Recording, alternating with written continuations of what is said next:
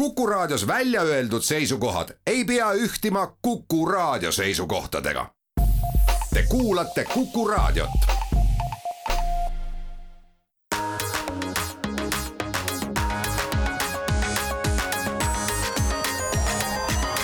digitund tere hommikust, head Digitunni kuulajad, on esmaspäev, kahekümne teine august ja Digitund alustab. stuudios on meil Indrek Vaheoja, Mait Tafenau ja Andrus Raudsalu. ja tänane saade lausa pakatab külalistest. saate alguses räägime Tõnu Tammeriga, kes on CERT, Eesti juht, CERT on siis see organisatsioon, kes jälgib küberturvalisust ja, ja, ja, ja, ja tegeleb riigi küberintsidentide lahendamisega ja tegelikult ka erasektori küberintsidentide lahendamisega räägime temaga siis äh, küberrünnakutest, aga sellest kohe lähemalt ja saate teises pooles liituvad meiega sellise vägeva Eesti startup'i nagu Valuespace'i asutajad Reijo Põld ja Agu Leinfeld ja nendega räägime siis sellest, kuidas nad kohutavalt suuri infrastruktuuri äh, elemente siis üle maailma jälgivad millimeetri täpsusega. aga lähme kohe asja juurde, et äh, Tõnu, aitäh, et sa said kiire kutse peale tulla, et et et noh, üldiselt kui nüüd nagu teha väike sissejuhatus, siis äh, vaatasime, et Google on siin just paar päeva tagasi teinud siis ülevaate, et, et, et nende pilveteenuste andmetel on siis küberrünnakute nii maht kui ka kui ka arv kõvasti kasvanud võrreldes varasemate aastatega. ja juuni alguses oli siis ka seni teadaolev Google'i jaoks vähemalt maailma suurim küberrünnak, kus siis kus siis äh, tehti nii-öelda teenustõkke takistusrünnak äh, ja nelikümmend kuus miljonit äh, päringut siis ühes sekundis suudeti saata mingis noh, küll teada, teadaolematu Google'i kliendi serverite pihta. aga nüüd see, miks me sind siia kutsusime, on ajendatud sellest, et siis Lukas Ilves Facebookis kirjutas sellest, et et siis, kui tank ära viidi Narvast, tabas Eestit ajaloo suuruselt teine küberrünnak, et esimene küberrünnak, kõige suurem siiani teadaolev oli siis pronksiööl ja nüüd oli siis teine, et, et, et mis juhtus? tere ka minu poolt kõigile raadiokuulajatele, et äh, ma ühe asja õiendaks äh, kohe ära, et, et, et äh, kui sa mainisid, et, et, et nüüd oli ajaloo number kaks, et, et see tegelikult päris nii ei, ei ole, et, et et kui need mahud täna Äh, olid äh, rohkem kui niisugune kakssada gigabitti sekundis äh, oli, oli siis seda mahtu, millega üritati kaableid ummistada, siis kahe tuhande seitsmendal aastal see maht oli umbes viis gigabitti sekundis, nii et noh, et, et need mahud ajaga on, on, on kasvanud päris, päris kõvasti, vabandust, kaks ja pool gigabitti sekundis, isegi veel vähem, nii et, et, et peaaegu sada korda on see vahe. Äh, aga, aga, ja see vahe ei tulene mitte sellest, et, et, et, et kuidagi need teise poole inimesed oleksid nüüd kõvasti jõudu juurde saanud, et, et, et pigem tuleneb see sellest, et tehnoloogia on viieteist aastaga maru kiiresti arenenud ja, ja ja noh, seesama näide Google'ist, et, et sellised rünnakud näiteks ka kolm-neli aastat tagasi veel ei oleks olnud võimalikud noh, nii suure mahuga rünnata. noh, nad tõenäoliselt ei oleks isegi võrgust läbi tulnud, eks, et ei oleks olnud piisavalt äh, laia toru nii-öelda, kuhu siis kogu seda andmemahtu pakkida, on ju. just, just, just, just. aga nüüd, kui me vaatame seda, et, et ühest küljest nüüd ründed on kasvanud, äh, siis see on tõsi, aga teisalt äh, kui te mäletate, siis äh, kahe tuhande seitsmenda aasta rünnetel oli ikkagi üsna lai ja tuntav mõju äh, ühiskonnas, et, et, et olgugi, et, et mahud on kasvanud võib-olla kohati isegi sada korda, siis, siis täna ma ütleks, et kõik teenused ka kas toimisid täiesti nii, et, et, et keegi ei märganud või, või oli niisuguseid noh, vaevu, vaevutajutavaid viivitusi, et, et et me oleme tükk maad rohkem valmis sellisteks juhtumiteks, kui me toona olime okei okay,, ma, ma panin ka tähele, et seal vist olid kommentaarid äh, näiteks äh, SKID Solutionsilt, kes ütlesid, et, et, et see neid küll väga ei mõjuta, aga aeg-ajalt võib olla ikkagi mingisuguseid teenusekatkestusi, noh iseenesest tegu on ju noh, ettevõttega, kes põhimõtteliselt pakub meile kogu ID-teenust ehk Smart-ID, mobiil-ID, ID-kaart autoriseerimine käib läbi nende, et noh, noh, kui niisugused teenused isegi mõnes, mõne, mõne minuti on katkestatud, on suhteliselt ebameeldiv, noh kuigi ilmselt on võimalik üle elada ma arvan, et, et, et, et, et iga tehnoloogia noh, päeva lõpuks vajab tiba aega, et, et aru saada, et, et rünnak on toimunud ja, ja, ja asuda kaitsele, et, et, et kuigi me, me kujutame ette, et, et noh, et, et arvutites sellised asjad toimuvad nagu silmapilkselt, et, et päris kvantarvutite ajastul me veel õnneks või, või kahjuks ei ole, et, et aga, aga jah, see, et, et, et need noh, sellised tuntavad mõjud võivad olla võib-olla noh, seal ütleme, et, et kümme, viisteist, kakskümmend sekundit, noh kuni minut, eks ole. see on ikkagi hoopis midagi muud kui, kui see, et, et ütleme, et öösel kell kolm läheb eh, tuli põlema, eh, keegi eh, inimene, kes on siis valves, võtab telefoni, helistab võrguadminnidele, ajab nad üles, millal inimestel see uni silmast läinud on, nii et nad julgevad nagu minna muudatusi tegema ja, ja noh, see, see, see, see reaktsiooniaeg on, on ka tükk maad väiksem, kui, kui, kui ta oli kaks tuhat seitse ma ei tea, kui palju sa võid äh, raadiokuulajale rääkida sellest, et mis telgitagustes juhtub, et ilmselt osa sellest on saladus, aga aga kui sa saad meid valgustada, et, et kuidas siis noh, kui ütleme, et algab selline rünnak, et esiteks, äh, kuidas sellest aru saadakse, et, et nüüd on tegu rünnakuga, aga noh, ma ei tea, mitte mingisuguse suure hulga inimestega, kes näiteks üritavad dokumente allkirjastada. ja mis siis, mis siis juhtub ja kas osa sellest on siis täna juba kuidagi robotite kätte usaldatud või, või ikkagi on seal inimfaktor väga oluline? Ähm, rünnakute tõrjumisel on kindlasti äh, hästi oluline äh, inimese ja masina koostöö. Et, et äh, kõikidest rünnetest, mis siis riigi suunas tulevad, me vaatame igale ründele otsa, vaatame, et noh, et, et kas selle sellesse sõela, mis meil olemas on, on võimalik nagu noh, mingi auk veel kinni panna selliselt, et, et äh, see tegelikult tavalist teenuse kasutamist mitte mingil juhul mõjutama ei hakkaks, eks ole, et ta ongi piisavalt unikaalne, et sellist rünnakut äh, ära hoida. iga selline asi õpetab tehnoloogiat ja aitab tehnoloogial paremini toimida. ja, ja mis siis seadmetes juhtuma hakkab, no kindlasti kui sul tavapärased koormusgraafikud on noh, ikkagi tehnoloogiaettevõtted päris niisuguse piiri peal ei, ei opereeri, eks ole, et, et, et teamegi kas või Maksuameti näitel, et millegipärast veebruari alguses kipub see koormus olema kaunis kõrge, eks ole, et, et et, et, et varud on, on olemas ja kui siis see koormusgraafik sinna piiri peale äkitselt hüppab, noh, see on, see on kõige parem nagu indikatsioon, et et midagi on tavapärasest erinev ja, ja noh, kasutajate koormus võib küll järsku hüpet teha, eks ole, aga, aga noh, selleks on tavaliselt mingi põhjus, et, et, et meenutame siin äh, aprillis, kui Ukraina president Zelenskõi Riigikogu ees esines, siis tõepoolest sellel hetkel koormus tegi kümnekordse hüppe, noh arusaadavalt inimesed tahtsid äh, kuulata, vaadata, et, et, et mida siis presidendil öelda oli, aga äh, see on ikkagi see, et, et noh, et, et ühest seadmest noh, see päringute hulk seadme kohta noh, ei, ei kasva nagu. aga kui siis äh, panna robotid tegema päringuid, siis tõepoolest on võimalik, et, et ühest seadmest neid päringuid tulebki noh, nii palju, kui sinna seadme enda torusse mahub mm. -hmm. aga ütle, ütle, kas, kas te täna kuidagi siis CERDis monitoorite ka pidevalt siis nii-öelda Eesti interneti tervist, et, et kuskil istub keegi ja noh, mingi graafik on seina peal, mis näitab, et nüüd on kuskil mingisugune jama tekkimas, et hakkavad need koormused kasvama või te, või te tegelikult loodate selle peale, et noh, siis need, kelle juures see jama tekib, annavad kuidagi teada või siis noh, ütleme, et kolmas variant on minu jaoks ka see, et et ilmselt kõik need jamad ikkagi tulevad enamasti väljaspoolt Eestit kuskilt, mis tähendab seda, et noh, kuskil on suured teenusepakkujad, kes meid välisinternetiga ühendavad ja noh, juba nemad peaksid enda juures nägema, et kuskilt tuleb mida, mingisugust anomaalset äh, liiklust neid äh, võimalusi tuvastamiseks on mitmeid, et, et, et äh, kui, kui teenusepakkuja ise tuvastab ja annab teada, see on kindlasti üks, aga päris paljud sellised DDoS-id, mis siis erinevaid andmesidekanaleid ummistada tahavad, on märgatavad noh, nii nagu sa juba mainisid, rahvusvaheliselt. Ja, ja iga hommik hommikul äh, umbes seitsme-kaheksa ajal me saadame sideteenuse pakkujatele kokkuvõtte,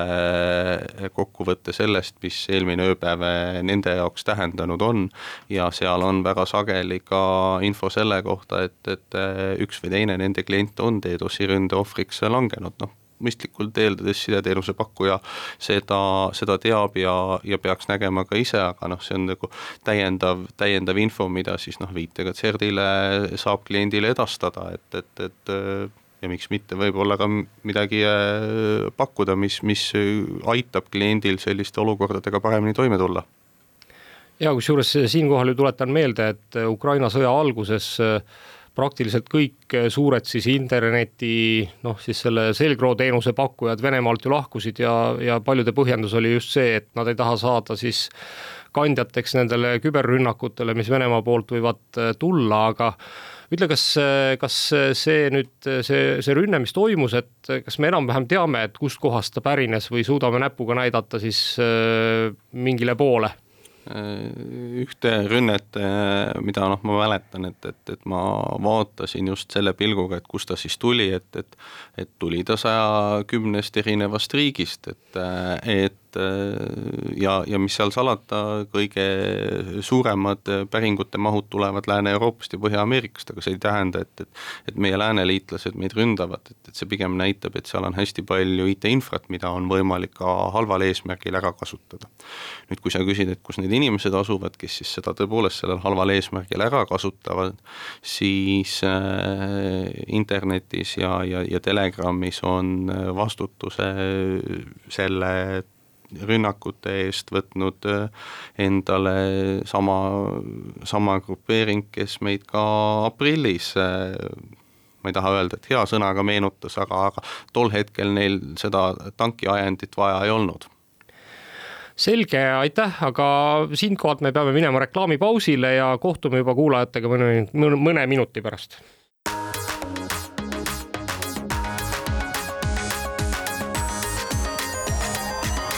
digitund. digitund alustab oma teise veerandiga. Äh, stuudios on meil siis nüüd Mait Tafenau, Indrek Vaheoja ja Andrus Raudsalu ja räägime siis teises veerandis sellest, et meil õnnestus äh, näha esimest siis äh, Starlinki installatsiooni Eestis, et äh, meil õnnestus tuvastada inimene, kes on kätte saanud Starlinki seadmed ja omale selle ühenduse üles pannud. kahjuks küll see Starlinki klient oli nii tagasihoidlik, et keeldus saatesse tulemast, sestap siis me pidime ise sinna kohale minema, selle installatsiooni üle vaatama ja, ja nüüd me siis räägime teile neid muljeid, mida me sealt saime võib-olla alustame siis päris esimestest asjadest, et, et kui ma tellin omale selle Starlinki komplekti, et, et mis seal siis ikkagi kaasas on ja, ja mida kaasas ei ole. et äh, esimene nagu oluline üllatus on see, et tegemist on siis komplektiga, kus on kaasas antenn ja wifi ruuter ja sihukest kohta, kuhu võrgukaabel järgi ühendada vaikimisi tal enam ei ole, et, et esimeses versioonis oli, selles enam ei ole ja, ja teine oluline asi on see, et kaasas on kahekümne kolme meetrine kaabel ehk siis, kui te tellite endale komplekti ja antenn peaks jääma mingil põhjusel kaugemale, siis te peaksite kohe ette tellima endale kaasa pikema kaabli ja kui vajate ka juhtmepistikut, siis äh, ka pikema või selle lisaadapteri, millega võrgukaabel järgi ühendada ja sellepärast, et, et nii nagu me aru saime, siis noh, meile kirjeldati ka natuke seda tellimisprotsessi. ega me tegelikult ju täpselt ei tea, kui kaua see Starlinki tellimine täna peaks aega võtma, sellepärast et see konkreetne eh, klient oli ikkagi Starlinki seadme ära reserveerinud sellel hetkel, kui seda Eestist reserveerida sai ja üheksakümmend üheksa dollarit ära maksnud selle eest. ja, ja, ja siis see ülejäänud arve, mis siis kõik kokku lõpuks tuligi umbes seitsesada eurot, nii nagu äh, on siis ennustatud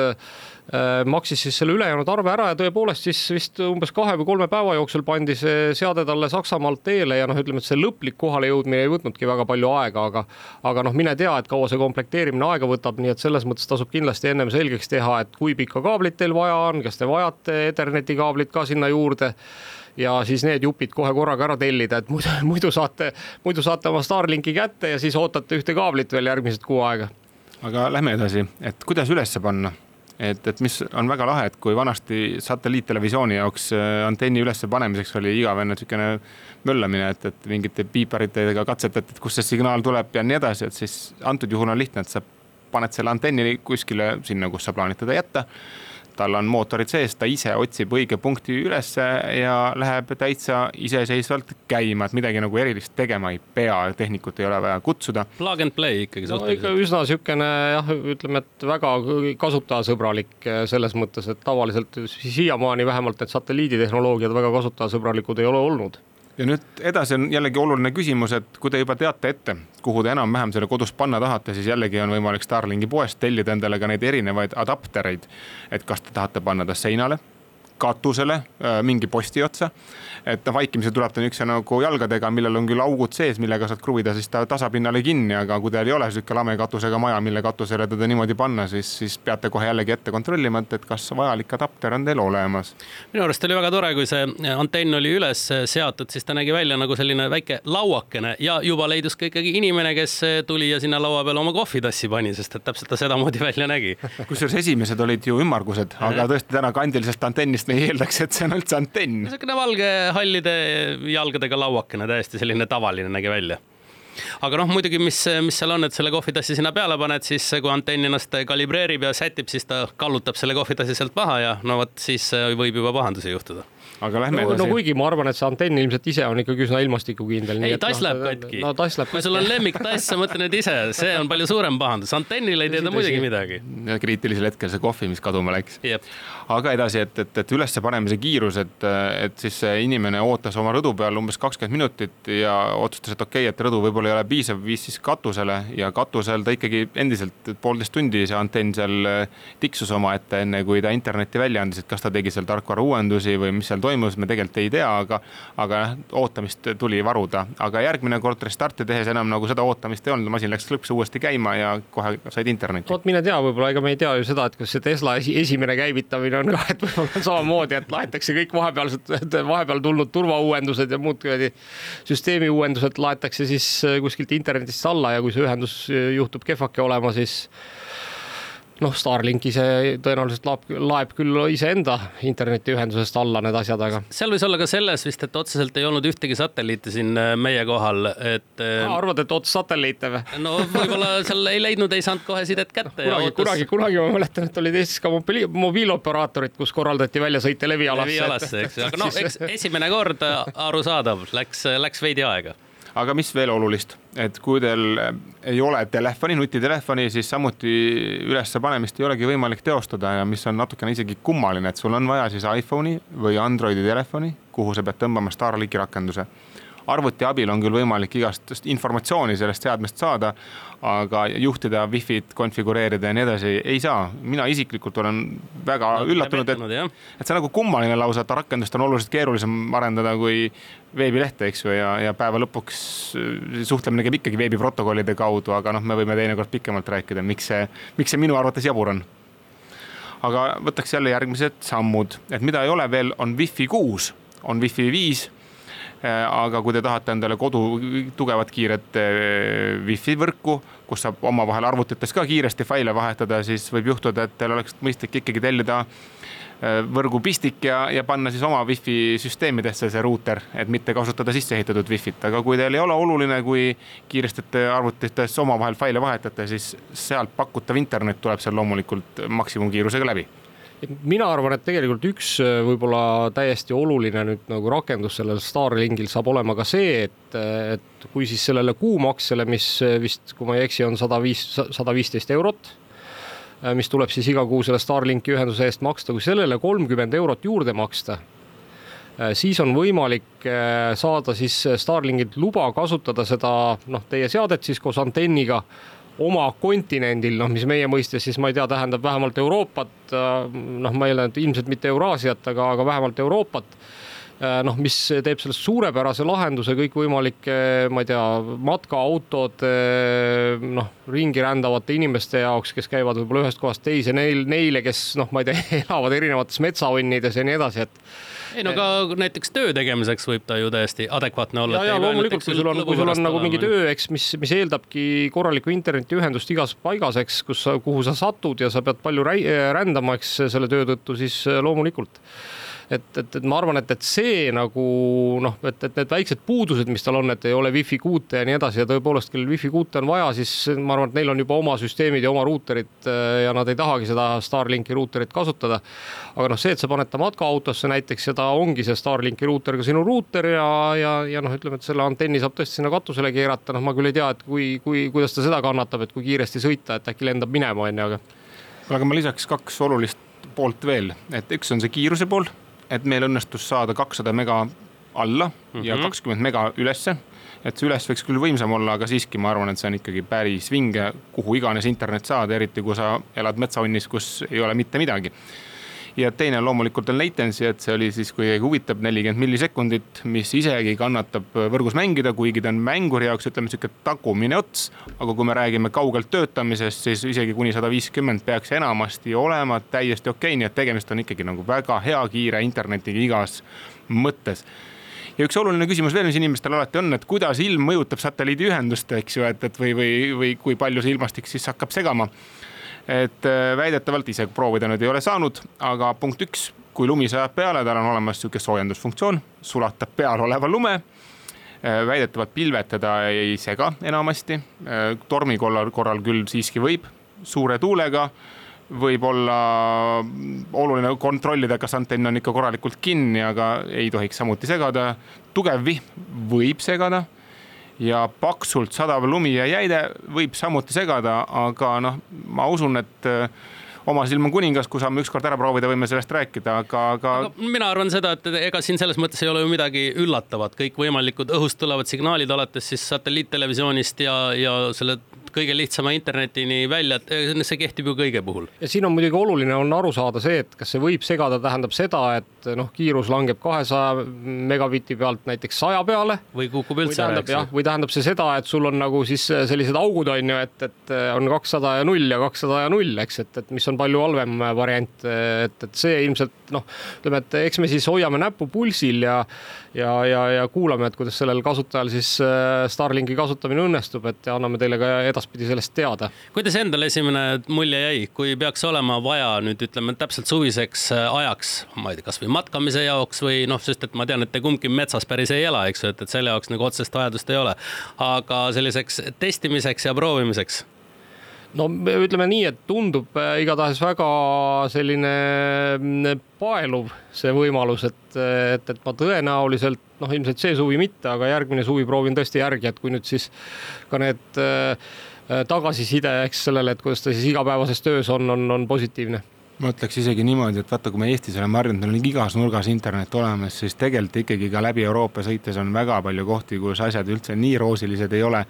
ja noh, tõesti, kui sa oled niisugune no, autoga reisija, rändaja, matkasuvila fänn, mida me Eestis näeme ka see suvi, ma olen erakordselt palju neid kuidagi märganud.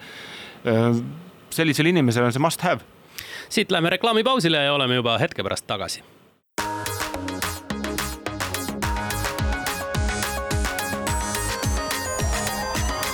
digitund.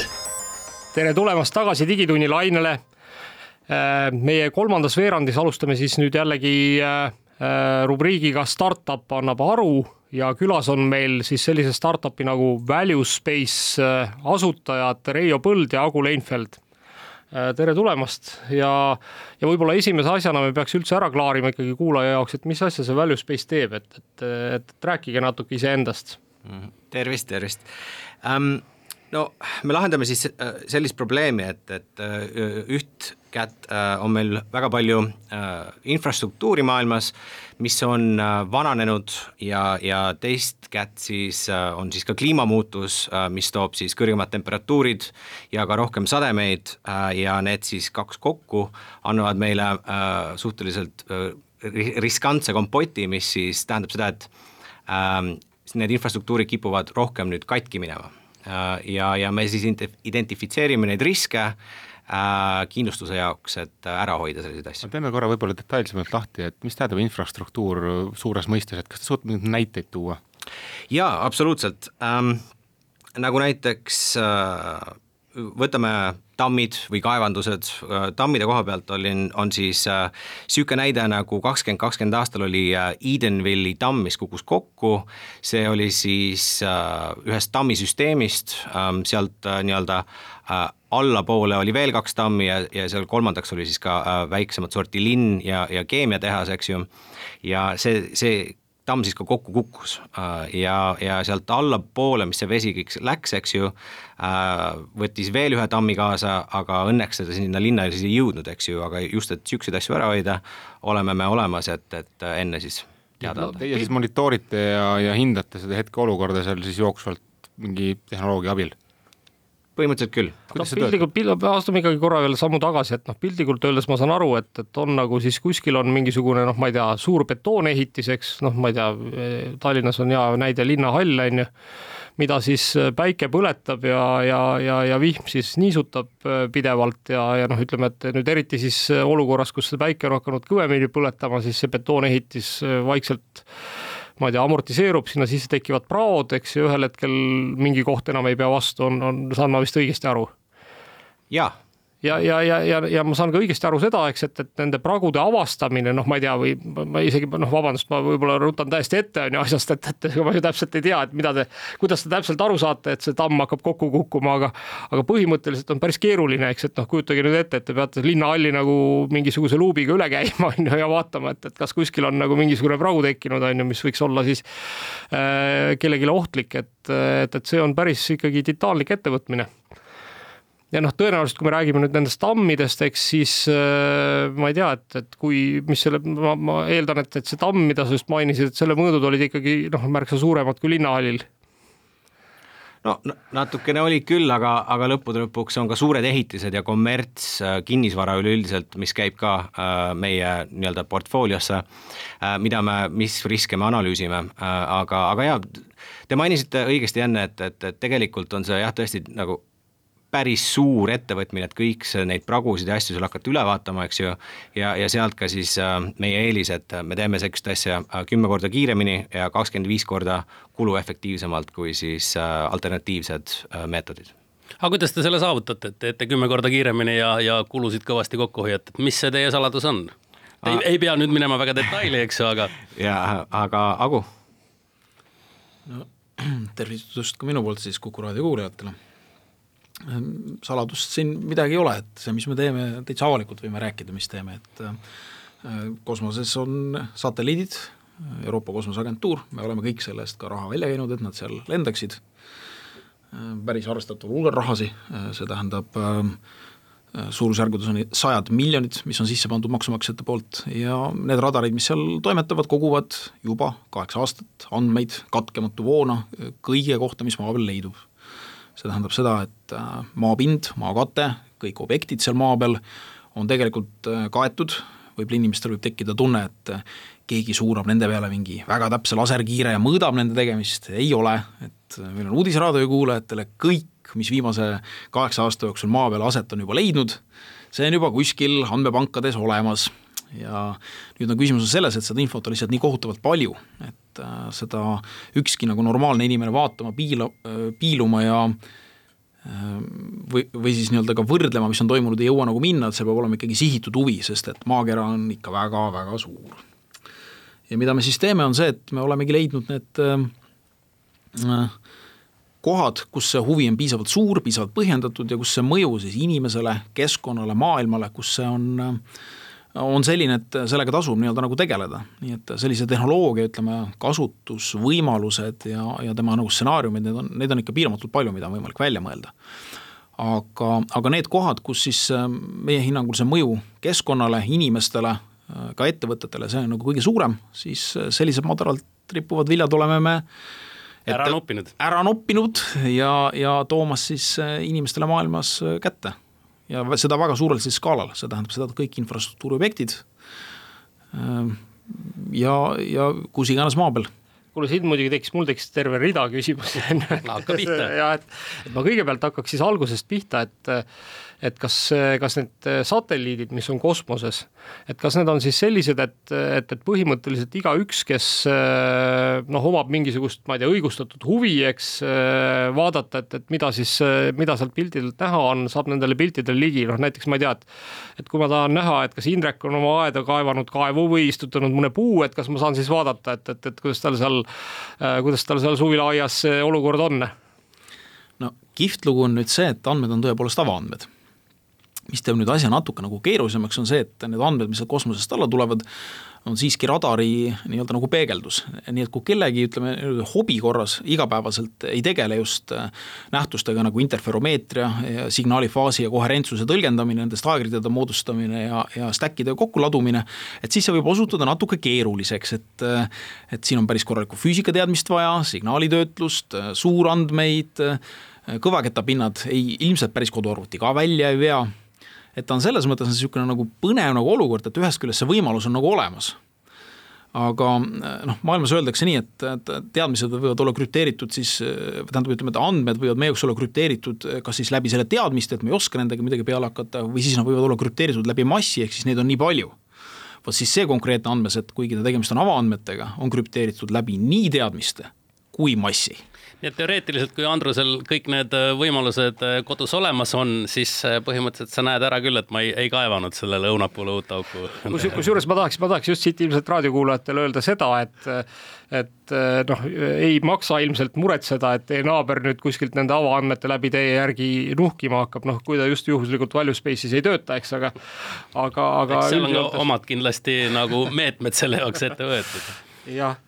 aga selge, ühesõnaga tegelikult on siis tegu noh, põhimõtteliselt nagu avaliku hüvega, mille te olete osanud panna nutikalt äh, tööle siis äh, äri eesmärkide täitmiseks ta selles mõttes on jah, nagu tsipa keerulisem, et selliseid ettevõtteid, kes püüavad siis kaugseri andmete pealt teenuse kokku panna maailmas, neid on ikka palju. Neid on ikka mitte natuke palju, vaid neid on ikka päris palju. ja, ja nüüd neid, kes sellest seda kasulikku stsenaariumit nii-öelda välja püüavad nagu pigistada, et noh, kõik üritavad aga, aga milles nii-öelda meie niisugune olemasolu vabandus ja, ja milles nii-öelda meie nagu edulugu ilmselt seisma saab, on, on selles, et me oleme äh, leidnud äh, selle sihtgrupi, kelle jaoks see on nii-öelda vahetult ka äriliselt oluline, me oleme leidnud üles need äh, meetodid, et me tegelikult ei paku niisugust noh, kuidas ma ütlen, värvilisi punkte ekraanil oma klientidele, vaid me oleme üles leidnud nende nagu valdkonna nagu spetsiifika ja, ja me tegelikult, nagu Reio siin alguses ka ütles, me toodame riskiprofiile siis tähendab seda, et on tehtud ühe tööstuse jaoks äh, väga paljude tehnoloogiat, et me oleme väga pikalt siin täna keskendunud äh, esialgu jutus näiteks selle kaugsire tehnoloogiale, sest et see on võib-olla kuulajate jaoks uuem ja põnevam, aga see tehnoloogiate hulk, mis siin taga on äh, kokku pandud, et see inimese jaoks nagu lihtne oleks, et noh, et ma ei tea, võtame võrdluseks Bolti äpi sinna kõrvale, no seal on ikka päris palju tehnoloogiat taga selleks, et see Bolti äpp inimese jaoks niisugune mugavalt nagu asju nagu teeks, et, et igasugused mobiilid, andmesid, GPS-id, suunamised, ennustamised, prognoosimised, tagasisided ja osapoolte suhtlema panek omavahel, et eks ta tänapäeval nii ongi. tuleb võtta terve hulga täitsa teadaolevaid töötavaid tehnoloogiaid, aga teha sellest selline väärtusahel, mis inimeste maailmas päriselt midagi nagu ära teeb. Ja meile tundub, et me oleme sellele päris hästi pihta saanud ja, ja tundub, et skaala on ka päris julgelt valitud aga niisuguse küsimuse nurga pealt, et äh, kui väike või suur see objekt peaks olema, mis on üldse teie portfelli nagu huvitav, et, et kui ma päriselt tahakski nagu monitoorida oma maja, siis kas see, kas see detailsus võimaldab üldse niivõrd väikest nagu pilti monitoorida või see ikkagi peaks olema niisugune kilomeetri suurune tamm? Ähm, see, mida me võrdleme, on tegelikult suhteline liikumine kõikidel objektidel omavahel et kus maalt see suhtelisus nagu relevantseks osutub või kust, kust ta nagu sisu taha tekib, et ütleme, et kõige väiksem objekt, mida me tõenäoliselt nagu näha võime, võib olla isegi äh, peegelduse mõttes nii väike nagu ütleme, üks niisugune köögilaud. Aga äh, see köögilaud jällegi, äh, kuidas ma ütlen, materjali mõttes jälle ei sobi, et see, mis kosmoses hästi tagasi peegelduvad, on inimeste loodud materjalid, see on teras, betoon, ütleme seda tüüpi asjad ja, ja ka looduses sellised tugevamad materjalid nagu, nagu kivised pinnad ja, ja seda tüüpi nii-öelda nagu asjad ja, ja me nüüd päris ei loe välja seda lauakuju sealt kosmosest, küll aga me saame aru, et kui näiteks me vaatame ühte, võtame ühe eramaja näite, mis on niisugune mõnikümmend meetrit ja, ja, ja mõnikümmend meetrit nagu teistpidi, et siis me sinna mingi paar punkti kindlasti nagu peale saame. Ja see võib-olla ei ole inimese jaoks võib-olla väga põnev, et kumb tema maja nurkadest nüüd kiiremini vajub, see vasak või see parem nurk, äh, küll aga osutub hästi põnevaks tihti just see, et äh, need, kes tellivad ka meilt nagu analüüse, vaatavad, et oo, tahaks teada, et kuidas see maja vajub, siis öeldakse, et tead, su majaga oli kõik korras aga kas sa muidu teadsid, et sul seal kakssada meetrit kõrval on üks äh, mereäärne kaitsevall sinu maja suunas ja see hakkab siin täitsa kokku kukkuma, et majaga muidu kõik hästi, aga tahtsid teada, et sul meri on peale tulemas. et selle tehnoloogia nagu kihvt eripära on selles, et me saame ka vastuse küsimusele, mida me tegelikult ei oleks osanud küsida, me näeme selliseid asju ja selliseid riske väga suures pildis mis äh, jäävad äh, ütleme, alternatiivsete meetodite kättesaamatuks, sest et keegi ei jaksaks endale palgata inseneri öelda, et kuule, et jalutasid mõne kilomeetri raadiuses kõik ümberringi läbi ja vaata, mis sa mul leiad. tee üks kümme tuhat puurauku, eks ju. äkki, äkki saad pihta millelegi. teeme nüüd väikese reklaamipausi ja oleme juba hetke pärast tagasi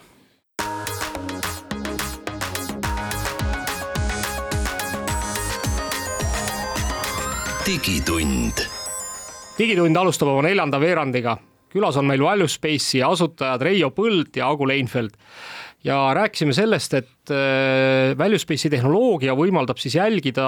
maa peal noh, ma ei tea siis objektide liikumist, maapinna liikumist ja, ja, ja, ja, ja, ja siis ka noh, ütleme, et mingisuguste inimeste loodud asjade liikumist seal maapinna peal, et et, et kuidas see, kuidas see on, et meile tundub, et noh, üldiselt maa on nagu suhteliselt staatiline, mäed seisavad paigal, ma ei tea, meri on seal, kus ta on olnud, et äh, kuidas, kui nüüd vaadata nagu mingit niisugust pikemat aega või noh, ma saan aru, et teie ajahorisont läheb sinna kahe tuhande kaheksandasse aastasse, et et, et kuidas see tundub, et, et kas on meie maa päris staatiline või ikkagi asjad liiguvad?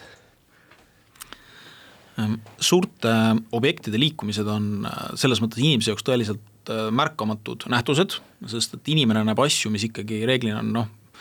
meetrites paneme kohe tähele, kümnetes sentimeetrites tundub, et juba nagu võiks olla, aga need piirid, kus infrastruktuurides toimuvad muutused on ohtlikud, on tegelikult tihti millimeetrites. Ja vot see on see koht, mida inimene tegelikult oma silmaga ei märka, ka insenerid, kes seda tööd käsitsi teevad, nad on selles mõttes äärmiselt piiratud, et äh, nad suudavad mõõta mingisuguse hulga punkte, nad ei suuda mõõta kõike üle ja, ja mida nad ka tihti ei märka, on see, et äh, mõnikord näiteks kui vajub kogu hoone või vajub kogu ka linnaosa, siis sa ei tea, kuskohast see piir nagu vastu tuleb, kust see suhteline liikumine muutub nagu juba ohtlikuks, sest et sa mõõdad ikkagi mingis mõttes nagu lokaalselt. et meie tehnoloogia ei ole piiritletud, me saame vaadata väga suuri alasid, kui on vaja, ja me leiame selle suhtelise liikumise nagu ülesse. Ja, ja mida me näeme, on tegelikult noh, nii us uskumatu kui see ka pole, meil on satelliit, mis lendab seitsmesaja kilomeetri kõrgusel. Mõõdame sealt joonlauaga äh, iga ütleme, paari nädala tagant või ütleme, poolustele lähedamalt ka mõne paari päeva tagant, sõltub, kus laiuskraadil parasjagu objekt nagu asub, ja siis tuleme tagasi teadmisega, et teate, need asjad on liikunud millimeetreid, et see kõlab küll hästi nagu ulmeliselt, aga see on see täpsus, mida siis tegelikult on võimalik vaadata suurte, suurte alade, objektide ja, ja ja nähes ka suundasid, kuhu poole see liigub, ka prognoosida, kuhu ta võiks edasi minna jah, see prognoosimine ongi tänapäeval, ütleme, kõik, kes äh, ikkagi ehitavad, ütleme, me mingisuguses mõttes ehitame kõik selle maailma digitaalset kaksikut siin, igaüks äh, teeb seda nii-öelda, digiteerib, ka meie oma jutuga siin täna digiteerime seda maailma mingisugusel kujul. et äh, selle digitaalse kaksiku ehitamise nagu kihvt, kihvt suund ongi ka see, mida nagu meie teeme, et me arvame, et see on väga hea nagu niisugune tehismõistus ja masinõppematerjal ka, mida äh, Äh, mida nii-öelda välja pakkuda, sest et äh, mida rohkem me selle maailma kohta õpime ja teeme, õppimist on olnud meil palju, meil on väga-väga põnevaid use case'e, ma mõtlen, äkki Reijo siin avab mõned äh, põnevamad kaasused, mis meil nagu olnud on, et siis tundub, et siin on ikkagi mustrid ja on nagu korduvused, aga selleks peab vaatama maailmas palju objekte ja tegema seda tööd skaalaga, seda nii-öelda lokaalselt üksikute objektidega tegeledes ei teki seda efekti. no aga ava meile mõni põnev case, mis teil olnud on? lihtsalt jätkuks, mis, mis sa mainisid enne, et üks kindlustaja ütles meie kohta huvitavalt, et äh, te olete kõige lähem asi kristallkuulile, mis, mida me oleme kasutanud, eks ju. et, et, äh, et see paneb asja perspektiivi, et, et kindlasti äh, äh, need trajektoorid ja, ja kuidas, kuidas see liikumine kõik läheb ja, ja nii edasi, et, et me saame kindlasti modelleerida äh, seda, et, et kus ta täna on ja, ja kus need riski nii-öelda parameetrid jooksevad äh,, ehk siis äh, ja sealtpealt siis vaadata, mis, mis riskidega on, on ka tegemist ja mis puudutab siis kaasusi, neid on veel palju igasuguste objektitüüpidega uh,, Edenvilli ma mainisin enne, aga üks on siis ka Piney Point, mis on Floridas um,. see on siis settebassein, kuhu siis pandi niisugust uh, mürgist vett põhimõtteliselt peale uh, kaevandusi ja, ja mis seal oli, siis oli see, et me vaatasime seda ja me nägime, et kakskümmend seitseteist hakkasid seal juba ohumärgid tekkima, eks ju, ja kokku ta siis kukkus kakskümmend kakskümmend üks. ehk siis neli aastat olid tegelikult need äh, riski ja, ja need äh, põhim-, tunnusmärgid olemas, eks ju ja, ja see kukkuski kokku, üks selle külg kukkus kokku ja see läks siis maksma kakssada miljonit dollarit äh, ja pluss siis see vesi siis Äh, pumbati Tampa Bay'sse. ehk siis ökoloogiline äh, tagajärg on väga tõsine, äh, finants loomulikult samamoodi ja, ja ta on tänaseni nad tegelikult koristavad seda äh,, koristavad seda ära. ja, ja neid kaasusi on veel, aga, aga need kaks on nagu põhilisemad ja, ja päris suurel skaalal aga kuidas teie klientidega on, et ütleme, ma ei tea, kui suur kindlustusfirma saab äh, teie käest info kätte juba, et kuule, seal hakkab nüüd tamm minema, kas nad äh, annavad siis oma klientidele edasi preventiivselt teada ka või lihtsalt ootavad ja vaatavad, mis edasi saab? no kindlasti on seal see element ja et, et kuidas see detailselt täpselt käib. see ei olegi nii tähtis, eks ju. aga, aga, aga jaa, kindlasti, loomulikult, et lõppude lõpuks keegi ei taha, et suured objektid kokku kukuvad, keegi ei taha äh, väljamakseid teha, eks ju, kõik tahavad ikkagi äh, äh, meie loodust ka hoida. Äh, ja, ja sellest tulenevalt kindlasti võetakse siis kasutusele preventatiivseid meetmeid, eks ju. Aga kuidas teil just see äripool tundub ka hästi põnev, et et kui teid juba võrreldakse kristallkuuliga, et, et kuidas see praegu see äh, äri läheb, et, et kas hetkel peate ise kindlustusfirmasid taga ajama või ajavad nemad pigem juba teid taga, et, et, et saada teid kätte ja, ja, ja, ja saada teie silmad siis oma objektide peale? ja see on huvitav küsimus, et, et ähm, no me alustasime sellega üleüldiselt siis koos äh, Lloyds of äh, Londoniga, eks ju. see on siis äh, maailma äh, suurim kindlustusturg, eks ju, ja, ja koos nendega äh, ja, ja kindlustuskorporatsiooni esindajatega me panime siis selle tootega lõpuks kokku koos. et ähm, sellest tulenevalt äh, oleme me pannud siis selle kokku äh, nii-öelda tööstuse siseselt, ehk siis mida, mida neil on vaja äh,, mida, mida nad tahavad kasutada ja et nad saaksid enda käe järgi seda ka äh, nii-öelda paika panna. ja seda me oleme ka teinud ja mis tähendab seda, et, et ähm, nüüd on meil tekkinud nagu selline efekt, äh, et meid soovitatakse äh, ja, ja korporatsioonid siis omavahel soovitavad meid neile, mis on, mis on kindlasti väga hea positsioon, kus me oleme, et me töötame mitmete suur, maailma suuremate korporatsioonidega äh, hetkel juba mm. -hmm. ega ma, ma ei tea, kas sa mõne nime tohid ka nimetada või, või see on pigem salajane? praegu, praegu võib-olla veel mitte. Võib-olla varsti. kuule, aga see War Stories on ka iseenesest huvitav, et, et, et kuidas te sinna Lloydsi üldse jõudsite, et noh, ega ju päris keeruline on, et marsid Londonis nagu Lloydsi maja uksest sisse, ütled, et kuulge, et ma suudan teile ennustada, et mis järgmisel aastal kokku kukub, et. ei no vaata, sa võib-olla veel isegi nagu, isegi jala ukse vahele saad, aga kuidas nagu öelda siis, kuidas see usaldus peaks tulema, et mingid mehed ütlevad, me hakkame nüüd äh, töötlema andmeid ja noh, siin see nüüd on.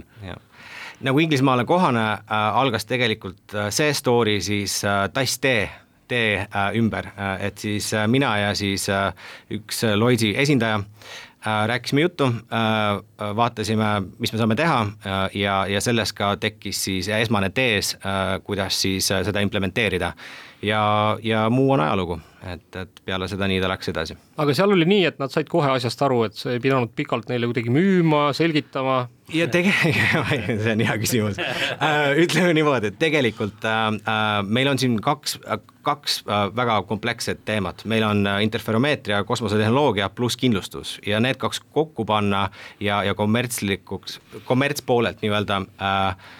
tekitada tööriist, mis, mida saab terve tööstus kasutada, on olnud väga kom-, kompleksne, tegelikult on. ja aga, aga me oleme suutnud teha selle nii lihtsaks tänaseks, et, et, et nüüd on asi kõvasti kergem mida te siin oma lähitulevikus näete, mis on sellised teie suuremad, ma ei tea, vaalad, mida te püüdma asute nüüd lähiajal ja noh, mida, mida näiteks ka Eesti inimene tänavalt võiks silma särama saada selle peale? No võib-olla me saame varsti juba siis anda teada, mis, äh, mis tüüpi asju me siis, millele me riskiprofiile anname, need on kuulsad äh, kuulsad kohad, kuulsad kaasused ja nii edasi, et, et äh, ma arvan, et detailides hiljem võib-olla no meil on rohkem kui üks vaal on konksu otsas, me lihtsalt peame nad paati ära sikutama, enne kui rääkima hakkame, sest et kalamees teab, et see kala, kes õnge otsast ära pääses, oli alati kõige suurem. et me eelistaksime rääkida siis, kui need paadis meil sees on, et aga konksud on rasked praegu, jah kuule, aga räägime natuke sellest potentsiaalse turu suurusest ka, et et no ütleme, et, et kui sa nüüd, Agu, ütlesid, et siin on nagu noh, ma ei tea, sadu firmasid, kes üritavad midagi teha ja,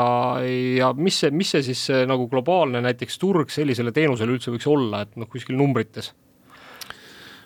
Me räägime väga-väga suurtest numbritest, sest et äh, kui me mõtleme infrastruktuuride mahtude peale ükskõik millises riigis, ma lihtsalt, ma viskan mõned noh, suvalised äh, Äh, suvalised nagu numbrid, et kui te mõtlete näiteks kommertsinfrastruktuuri peale, kui palju maailmas on suuri ärihooneid või, või kui te mõtlete, palju on kaevandusi, palju, palju on sildasid, äh, palju on teede kilomeetrit torujuhtmeid või äh, või sadamakaisid või kütusetsidsterne või asju, noh, te saate aru, et juba ühes sellises nagu varaklassis on see turg maailma mõttes üüratult suur. Ja kuna see tehnoloogia näeb kõiki infrastruktuure, me ei ole nagu piiritletud, et et siis nii-öelda potentsiaal on päris arvestatav. Kas numbrites rääkides, meie nii-öelda kindlustuse turupool on üle kaheksasaja, kaheksasaja neljakümne miljardi dollari väärtus on ju pluss kakskümmend kolmkümmend, aastaks kakskümmend kolmkümmend on selle turu suurus üks koma kaks triljonit, ehk siis kasv hetkel on väga suur see on üks meie ärivertikaal. Nonii, aga siinkohal meie saateaeg hakkab otsa saama, nii et äh, soovime siis teile edu selle ühe koma kahe triljonise vaala äh, pahti tirimisel ja, ja kuulajatega kohtume juba järgmisel nädalal.